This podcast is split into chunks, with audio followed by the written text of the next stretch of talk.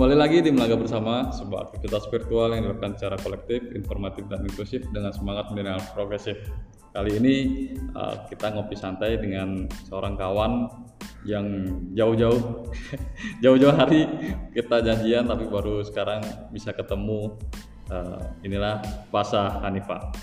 Selamat siang. Selamat siang, makasih. Aku manggilnya apa nih, bro atau Setelah mau beli, mau mas, ya? Pasha aja. Oke, di sini juga ada eh, kawan juga dari teman-teman muda Mudis. Eh, sahabat aku juga, aku kenalin ini Anes di Prasetya. Siap, sama siang. Siang. Eh, sehat ya? Sehat, sehat, sehat. Oke. eh, nah, di sini menarik. Mungkin aku mau ke Bung Aris dulu. Aku perkenalkan ini Pasha Hanifa itu sekarang bisa dibilang anggota Prada DKI Jakarta. Yang mana kita pertama kali ketemu memang secara fisik waktu Hari Raya Kuningan ya. Ya, Tapi yang menarik itu eh, ketika aku dapat sebenarnya dapat laporan dari teman-teman pengurus yang megang medsos di mana eh, akun Rada DKI kan. Dia bilang eh, memang pengen join, join dalam arti eh, ya gabung karena dia juga sudah eh, stay-nya di Jakarta kalau nggak salah ya. Kemudian ingin tertarik untuk eh, ikut aktivitas dan mendalami eh, bagaimana Hindu itu. Nah, ternyata ketika kemarin ngobrol-ngobrol, nah yang menarik adalah Bro Pasha ini sudah eh, studi wadani, gitu. Nah kalau Bung Anes ini dari Budis, dia kelahiran memang Tangsel tuh Blitar, Gitar. Blitar, Jawa Timur. Nah, dia juga sering eh, berbaur dengan eh, teman-teman yang lintas iman. Jadi lintas kepercayaan ya, lintas kepercayaan. Jadi mau percaya yang mau Tuhannya tunggal ataupun eh, beragam itu, ya beliau lah yang salah satunya. Nah, sekarang ke Pasha nih. Mungkin bisa cerita dulu kenapa eh, pertama kali kapan tadi eh, seorang Pasha Hanifa menja- eh, memilih untuk Hindu menjadi pedoman hidup karena nanti aku mau cerita tentang latar belakang pendidikan ya. ya. Jadi awal mula kenapa gua mau ganti Hindu ya jujur, jujur aja karena dulu pacarnya orang Hindu. Eh, karena ada pertukaran pelajar itu. Iya, enggak. Jadi dulu kebetulan pacar ini sekelas di SMA di Jakarta. Oh, dia orang sini. Hindu Ya. kebetulan. Nah, selesai kita SMA, mulailah pacaran LDR. Tapi ya biasa kan pertanyaan jadi gimana nih masa depannya gini-gini gitu. Jadi SMA di mana? SMA di Sevilla di Pulau Mas. Oh, dia dia ju- juga Jakarta. Dia Jakarta juga, Oh. tapi sekarang kuliah di di Oh, oke. UNUD.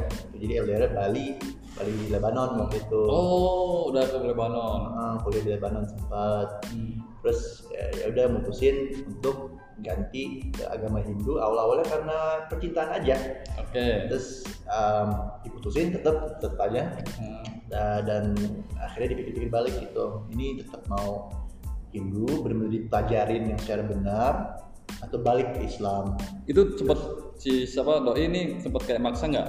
Nggak. Aku maunya harus nggak juga. nggak pernah dia cuma bilang pengennya sih punya pasangan Hindu tapi nggak mau maksa gue untuk masuk kalau kamu tuh Islam ya Islam aja nggak apa-apa Oke. tapi kalau emang karena nggak bisa ya maaf Eh, Jadi sekarang hubungan masih?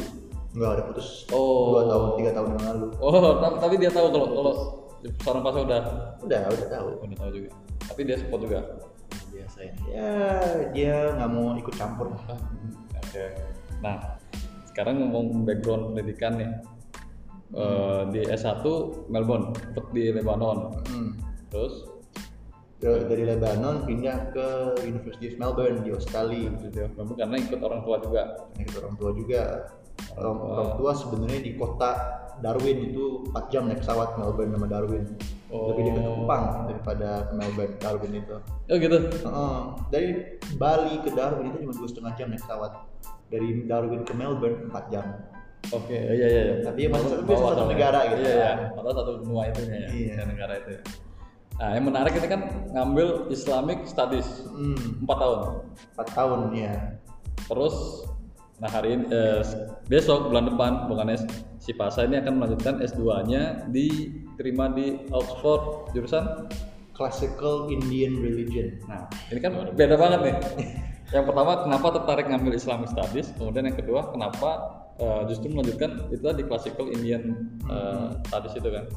Kalau Islamic Studies ya emang karena pengaruh lingkungan pas gua besar kali ya kan emang dulu kan gua keluarga itu taat lah sama agama Islam gitu ya maksudnya sholat lima waktu ya sholat lima waktu tapi kalau yang kayak apa kayak ini sunnah kayak ini udahlah nggak usah yang penting sholat lima waktu Oke. aja Oke. jadi ya memang dari dulu udah ada hobi belajar tentang sejarah Islam, politik Islam, filosofi Islam, dan apalagi kita di Indonesia ini kan sangat apa ya kelihatan gitu kan ya kita lempar batu ke jalanan juga pasti ada orang yang bagaimana. Iya, iya, Nah, iya.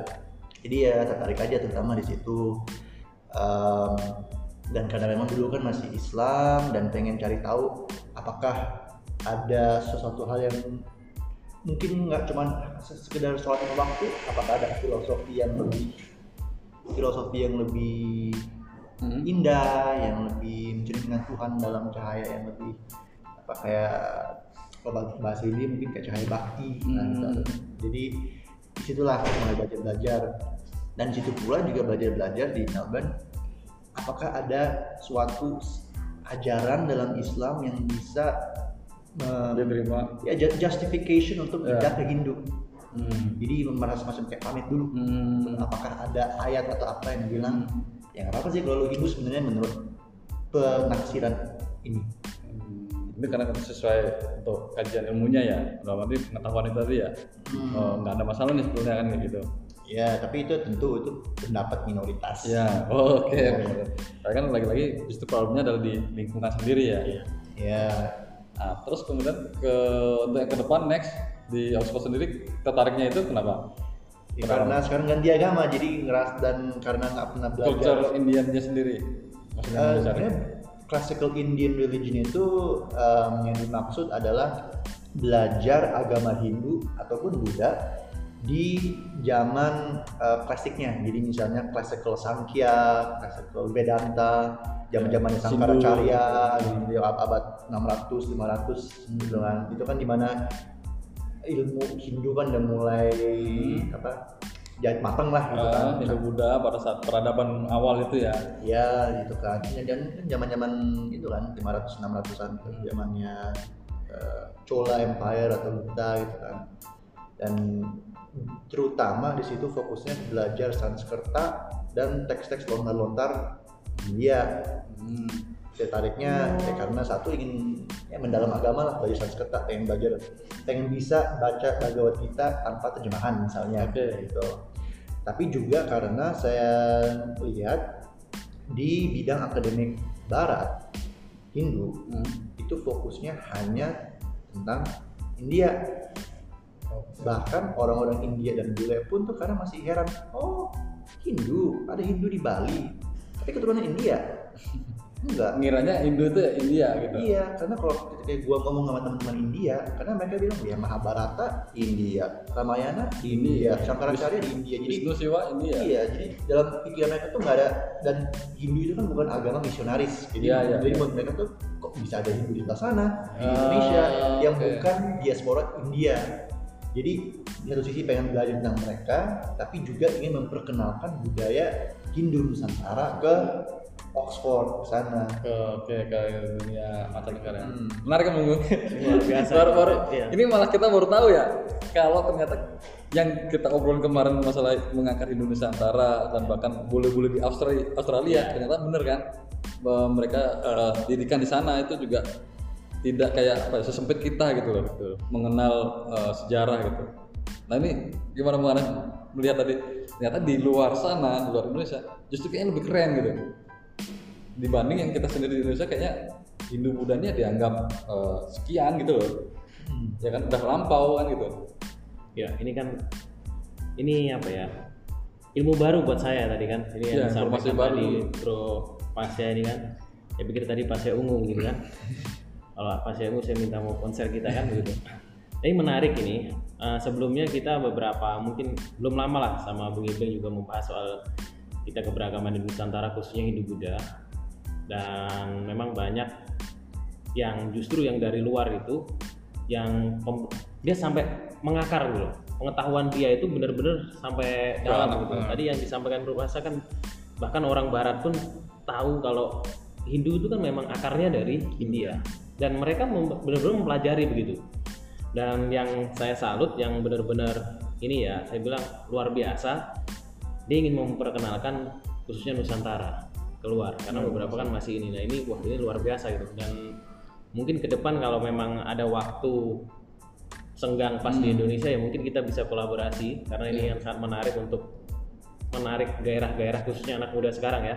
Kalau kita berbicara sejarah ini kan pasti hal yang kuno gitu loh jadi orang-orang anak-anak sekarang kan pasti ini hal kuno. Tapi ketika mendengar tadi kan ini bayangkan mohon maaf ya. Maksudnya ya kalau saya saya saya dari Blitar bro. Maksudnya saya dari Blitar lahir dari mendiang bapak muslim.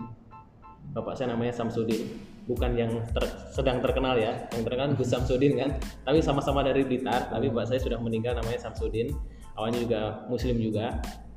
Terus tadi mendengar dengan ketertarikan yang bahwasanya yang saya masuk ke hati tadi disampaikan di awal tadi sebelum dimulai itu ya ingin pembelajaran hidup Hmm. jadi kan ini untuk pendalaman jadi memang kalau agama itu benar-benar didalami untuk kehidupan ya ini akan menenangkan gitu loh balik ke konteks tadi ya ini sangat luar biasa gitu loh Hmm. saya benar-benar luar biasa ya khususnya ya anak muda kalau dibilang berupa saya ini kan lebih lebih muda dari iya. kita memiliki pemikiran yang sangat luar biasa bahwasanya dari sekup yang sudah mayoritas yang sangat besar gelombang yang sangat besar terus mengenal mengenal yang dalam tanda kutip oke di awal memang karena perempuan terus kemudian benar-benar di- didalami dari dasar hati. Ini kan sesuatu yang sangat luar biasa begitu. Iya. dan mau memperkenalkan bahwasanya ketika dia kan sudah malam melintang nih bahkan yang daerah-daerah yang disebutkan tadi itu saya belum pernah menginjakan sama sekali dengan pengalaman yang begitu luar biasa dan dukungan dan lingkungan ya, ya, dukungan lingkungan keluarga ya. semangat belajar dia nggak pudar. Iya, dan betul. pemahaman dia terhadap Hindu semakin menguat. Ini kan perlu ditularkan begitu loh. Dan ini sangat menarik juga bahwasanya bagaimana mungkin ya bro bahasa ini bisa sampai apa ya benar-benar ke hati lah. Biasanya kan orang hanya sekali kan tadi kan wih karena perempuan. Iya. bahkan ini sudah selesai ya maksudnya udah padahal selesai udah dua tahun gitu. udah nggak ini. Udah nggak bersama tapi bisa sampai sekarang dia sampai mendalami dan benar-benar sampai bahkan mengenalkan ingin mengenalkan bahwasanya di Nusantara kan ada ini gitu. Ya hampir sama sebenarnya bro. Kalau berbicara soal ini Buddha sendiri kan dari India. Tetapi dalam tanda kutip kalau kita berbicara di khususnya di kota besar orang menganggap Buddha ini kan Cina. Nah ini kan pasti doktrin lama gitu tetapi orang-orang yang benar-benar suku maksudnya kan ada kan di kita ini di Sumatera khususnya di Medan ini ada suku Tamil. Ini ada keluarga kita juga keluarga besar pasti di sana ya Hindu Buddha pasti agamanya gitu loh. Ini bahkan orang menganggap dia tidak beragama Buddha begitu padahal lahirnya sendiri dari sana. Tetapi kan ada kultur yang membuat bahwasanya Nusantara ini memulai ciri khas tersendiri gitu loh dengan keindahan keelokan yang luar biasa sehingga mungkin Bro tertarik dan jatuh hati pada itu gitu loh. Ya mungkin ini ke depan ya saya berharap banyak belajar juga dengan Iya, maksudnya ini. harus, makanya ini eh, saya baru ketemu sekali udah langsung wih luar biasa loh pada saat perkenalan tuh. Ternyata jauh kita kita lebih tua Ya, tapi wawasannya ketua apel ya. ya begitu kan nah itu. Ya ya mungkin itulah untuk ini ya. Maksudnya kagum lah eh, dengan apa namanya eh, dengan masih muda sekarang udah bulan depan kan Bulan depan. Iya, S2 bulan dengan depan. mengambil rinci kan wah soal ini kan karena ingin menjelaskan bahwasanya juga ingin satu menggali ya ini ya ini yang seharusnya dimiliki khususnya ya saya secara pribadi ya saya juga masih muda juga ya ya ya kita masih iya. masih ini kan gitu lah ya kalau nggak gitu kan kita nggak jadi pengurus pemuda. Betul. Jadi untuk ketertarikan ini kan bahwasanya ketika benar-benar dihayati ya, maksudnya untuk anak muda ini kan. Ini orang muda kelahiran 98 dia mampu bagaimana mengkolaborasikan ya bahasanya. Dia udah mempelajari dari sekup yang sangat luar biasa dari mayoritas ke tempat yang dalam tanda kutip ini minoritas tapi menemukan kesejukan hati. Karena ini kan pilihan. Kalau kita sudah berbicara pilihan dan ketenangan hati ini kan tidak bisa orang lain. Kan karena antara kesenanganmu dan kesenanganku berbeda gitu loh dan mungkin ya karena Dan keelokan apalagi Nusantara ya, gitu di Indonesia gitu ya dan saya juga merasa ada suatu jawaban untuk menjadi jembatan lah bisa Hmm. dibilang antara umat sama mayoritas dan Dari minoritas. gitu ya. Karena dulu saya pernah baca di artikel lain Hmm. gitu. Kita sebagai minoritas, ini sebelum saya jadi Hindu ya, Hmm. kita sebagai minoritas tahu apa itu azan, apa itu Ramadan, Hmm. apa itu Jumatan.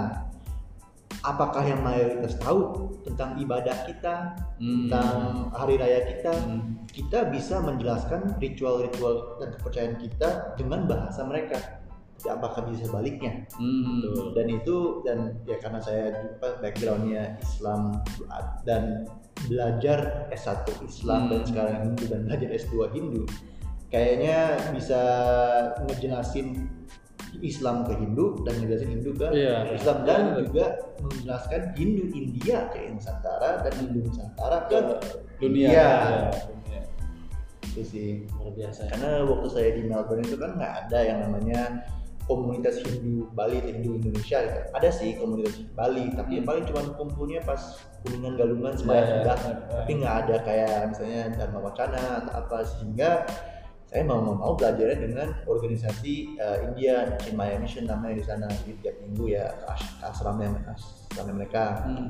belajar tentang Vedanta segala macam. Tapi ya di situ pun saya juga berusaha untuk memperkenalkan budaya Hindu Nusantara. Hmm. dengan misalnya kalau ada acara di Bali misalnya saya pakai baju kurta ya saya pakai baju eh, apa saput Hmm, saya- dan mereka bakal tanya oh ini pakaian mana. "Ini Hindu Indonesia oh ada ya di sana gitu. Beda, tapi Hindu gitu ya. Hindu dan saya dan satu hal yang saya juga merasa eh, sangat disayangkan eh, Hindu di Indonesia mungkin kadang-kadang kurang tahu di, secara umum gitu ya bahwa kita itu kan sebenarnya aliran siwa gitu kan ya Hmm. dan kalau lihat baca apa eh, teks-teksnya lontar-lontar kan ya Sang Widi sebenarnya salah satu bisa dibilang title Hmm. untuk Sang Hyang Siwa gitu. Hmm. tapi kalau ketika saya ngobrol sama teman-teman enggak Siwa itu kan timur timur Sang Hyang Widi di atas kan kalau kita ngeliat Hindu Nusantara kita secara historis dan filologis ya begitu kita aliran Siwa dan itulah yang saya ingin merangkel dan dikontekstualization sama Hindu di India yang di sana pun juga ada kan Vaisnava, Saiwa, Sakta, Wah, Iya. Jadi di India pun memang ada aliran-aliran juga sih sebenarnya. iya Mereka pun beragam juga sih. Maka wajar kalau eh, kaget juga kalau dia tahu di Indonesia ada Hindu dan Hindu pun aku juga kaget. Ternyata Hindu bukan cuma Bali gitu. Hmm. Ternyata ada juga yang Hindu dari etnis apa Kalimantan, Maluku. Hmm. Kayak teman-teman di DKI ini kan eh, beragam. Oke. Eh, mungkin ada yang mau disampaikan lagi, Bung Anes? iya, menarik ya maksudnya. Ini kan kita juga bisa jadi bahan pelajaran kita semua bahwasanya tanah kita ini seperti yang dibilang nenek moyang kita ya. Maksudnya ini kan suburnya luar biasa sehingga apa pun yang masuk ke kita ini bisa berkembang emang gitu ya kan. Artinya kalau kita tadi kan orang tidak tahu ketika masuk Nusantara ternyata dengan budaya yang luhur ya. Maksudnya begitu kan kalau saya bilang kan saya pernah bertanya kepada Bung Ibeng bagaimana proses budaya Bali itu bisa sampai mengakar begitu kan? Itu kan siapa pun teman-teman yang beragama Hindu yang dari Bali itu budaya itu tidak pernah lepas begitu. Kan beberapa untuk anak sekarang maaf ya yang selain mungkin bukan beragama Hindu ketika kita keluar kota itu kan ya mungkin sudah selesai begitu. Nah ini yang menariknya ini kalau kita berbicara karena saya dari Buddhis ya saya dari Buddhis dari Buddha. Buddha sendiri kan dari India. Nah, secara aliran sendiri sebenarnya ya kita ada dari garis besarnya itu kalau kita udah bicara cuma hanya tiga. Ya Tantrayana mungkin yang orang tahu pada saat ini kan Borobudur ini kan destinasi Sailendra ini kan Tantra cara aliran. Ada Theravada sama Mahayana. Tetapi kalau kita di Indonesia ini wah ini banyak lagi. Beragam lagi. Jadi setiap daerah itu punya kultur dan mungkin berbeda dan bahkan kalau kita menggali ya memang antara Hindu dan Buddha ini kan memiliki kesamaan dan kemiripan secara filosofi ya. Misalnya kalau kita ke daerah khususnya di beberapa daerah ya di Jawa pelosok-pelosok itu ya mungkin mengenal Siwa Buddha. Jadi ada yang mengenal Buddha Homilaheng, ada ini gitu. Mungkin kalau kita baru temu bahkan saya sendiri mengenal mereka, ini orang baca apa? gitu loh. jadi oh ternyata ada oh iya ternyata ada Buddha gitu loh dan dari bahasa-bahasa yang saya ini orang Jawa tapi saya nggak mengerti yang mereka baca tetapi kurang lebih kemarin itu yang kita ngobrol ternyata artinya hampir sama yang setiap hari kita baca jadi kalau saya kan karena ininya di Terawada kan sabi ta bawantu tata semoga semua makhluk hidup berbahagia yang mereka baca itu teks intinya juga begitu mendoakan semua makhluk gitu. ini kan menunjukkan apa ya budaya khususnya Ya. saya berbicara antara Hindu dan Buddha ini kan tidak menentang budaya Betul. Ke mana pun itu berada khususnya di Nusantara ini kan mereka bisa berkembang Bisa dengan lagi. istirahat Dengan ini yang karakter. menarik nih dan kita tunggu Betul. Bung Fasa ini kan berbahasa setelah selesai ini ya kita tunggu ilmu-ilmu berikutnya karena ini ini luar biasa untuk kita ya maksudnya untuk kita yang bergerak khususnya di lintas iman tadi kan disampaikan kan kita berbicara antara yang beragama dan tidak beragama begitu kan ada ya kita memang berteman begitu karena saya pribadi memiliki prinsip ya kalau soal keyakinan itu urusan saya sama yang di atas begitu loh tetapi kan bagaimana kita bisa bersama ini yang perlu kita pelajari bersama gitu. Kita lestarikan Ya, juga. Kita harus lestarikan khususnya kita yang berada di Nusantara. gitu. Ini menarik nih. Kita harus tunggu the next kalau ini kan nanti ada kesempatan ini ya kita harus kolaborasi bersama. Tentu saja. Oke, ada mau disampaikan lagi tentang harapan di selesai nanti di S2 atau gimana? Belum ada. Ada banyak. Udah udah banyak. Eh, belum ada bayangan yang konkret ya Oke. karena memang ini rencana S2 kalau orang-orang nanya sebenarnya mau ngapain sih acara apa S2 ini mau kerja apa setelah itu Hmm. jujur ya nggak tahu karena emang belajar ini untuk terutama eh, membangun Wawasan itu tadi. iya, ya? wawasan tadi Karakter supaya stradanya lebih tinggi ilmunya lebih tinggi dan bisa mem, ya apa yang tadi disebutkan membekal dari Oxford ke Indonesia dan membawa Indonesia ke Oxford. Kayak misalnya sekarang lagi lagi pesan lukisan kamasan nama Prasi dari Bali supaya dibawa ke Oxford. Center for Indo Studies dipajang di sana. Dan ya kalau ketertarikan saya secara mungkin profesional ya itu ingin membangun suatu think tank atau organisasi yang Secukupnya kom, kom, yang membangun manusia suatu humanity. pluralitas atau toleransi Oke, antar oke. agama itu sih Bagus. itu sih terutamanya jadi mungkin kayak kalau Wahid Foundation itu kan yang dari Ya, yang dibuat oleh Abdurrahman Wahid itu kan kayak sa- salah satu contoh yang Oke. saya maksud gitu Aku ntar titip kita bentuk namanya Jakarta Humanitarian Iya. Inisiatif. Biasa ini. Oke, eh, terima kasih untuk siang hari di Rahina Film. Eh, terima kasih Bro Pasha dan juga Bung Anes. Eh, semoga kita semua tetap sehat karena bagaimanapun juga teman-teman inilah sebagai garda terdepan bangsa kita nanti sebagai pemuda-pemuda yang menginspirasi dan semoga eh, apa yang kita sampaikan ini benar-benar bisa bermanfaat. Oke, eh, sukses selalu Bung Pasha dan juga Bung Anes. Terima kasih waktu dan kesempatannya. Kita tunggu di episode berikutnya.